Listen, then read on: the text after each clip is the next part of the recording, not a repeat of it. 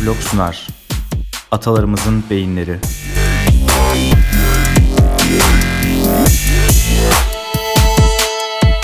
Bölüm 1 Neandertaller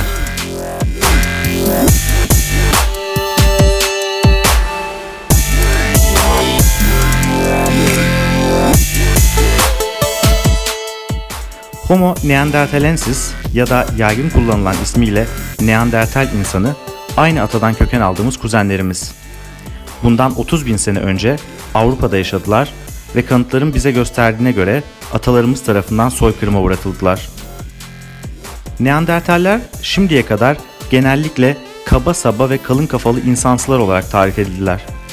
Ancak son bulgular Homo sapiens ile çiftleşip genlerinin bir kısmını bize aktardıklarını gösteriyor. Bu durum türümüzdeki kalın kafalılığı açıklamaya yardım eder mi bilmiyoruz ama Neandertallerin bıraktığı izlerden anladığımız şey Homo sapiens'e kıyasla ilkel kalsa da onların da pek yabına atılamayacak bir kültürleri olduğu. Sanat yapıp mücevher üretmişler, ölülerini gömmüşler ve karmaşık bir dille konuşmuşlar.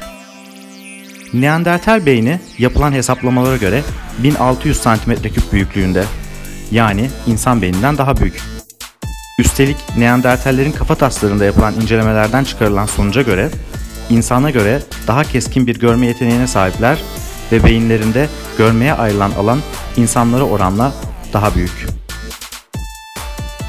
İnsanda görmeye ayrılan beyin hacminin %40'lara vardığı düşünülünce bu bilgi daha da şaşırtıcı bir hale geliyor. Neredeyse yarısı sadece görmeye adanmış kocaman bir beyin ve büyük gözler.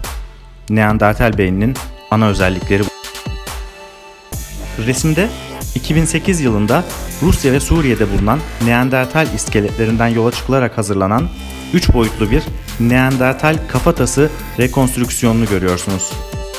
Neandertal beynini bu kadar övdükten sonra aklımıza gelen soruyu soralım. Madem Neandertaller bu kadar gelişmiş beyinlere sahipti, öyleyse nasıl oldu da atalarımız onları yendi ve yok etti? Sorunun yanıtı biraz spekülatif. Ancak Oxford Üniversitesi araştırmacılarının verdiği yanıt şöyle. Neandertal beyninin yapısı insan beyninden önemli ölçüde farklıydı ve beynin görmeye ayrılan kısmı o kadar büyüktü ki geriye sosyal iletişim kurma, organizasyon, planlama gibi yüksek beyin fonksiyonlarının yerleşebileceği çok az hacim kalmıştı. Bu da onların sosyal ağlar kurmakta ve organize toplumlar yaratmakta başarısız olmalarına neden oldu. Daha organize toplumlar inşa eden ve iyi planlamalar yapan Homo sapiens topluluklarına karşı yenilgilerinin temel sebebi de buydu. Neandertaller neden daha büyük gözlere ve görme alanlarına sahipti? Bunun yanıtı Neandertal evriminde saklı. Neandertaller insanların aksine evrimlerinin daha büyük bir bölümünü Avrupa'da geçirdiler ve Avrupa'da evrimleştiler. Afrika'nın düşük rakımlı bölgelerinde evrimleşen insanlar güneş ışığına ulaşmakta zorluk çekmediler ve nispeten daha küçük gözler ve beyinde görmeye ayrılmış daha küçük alanlarla görme işlevlerini sağlayabildiler. Bu da beyinlerinde daha yüksek zihinsel fonksiyonlar için daha fazla alan açabilmelerini sağladı. Neandertaller ise Avrupa'nın yüksek ve ışıktan yana fakir bölgelerinde evrimleştiler. Bu nedenle ışığı almak ve işlemek için daha fazla enerji harcamak zorundaydılar.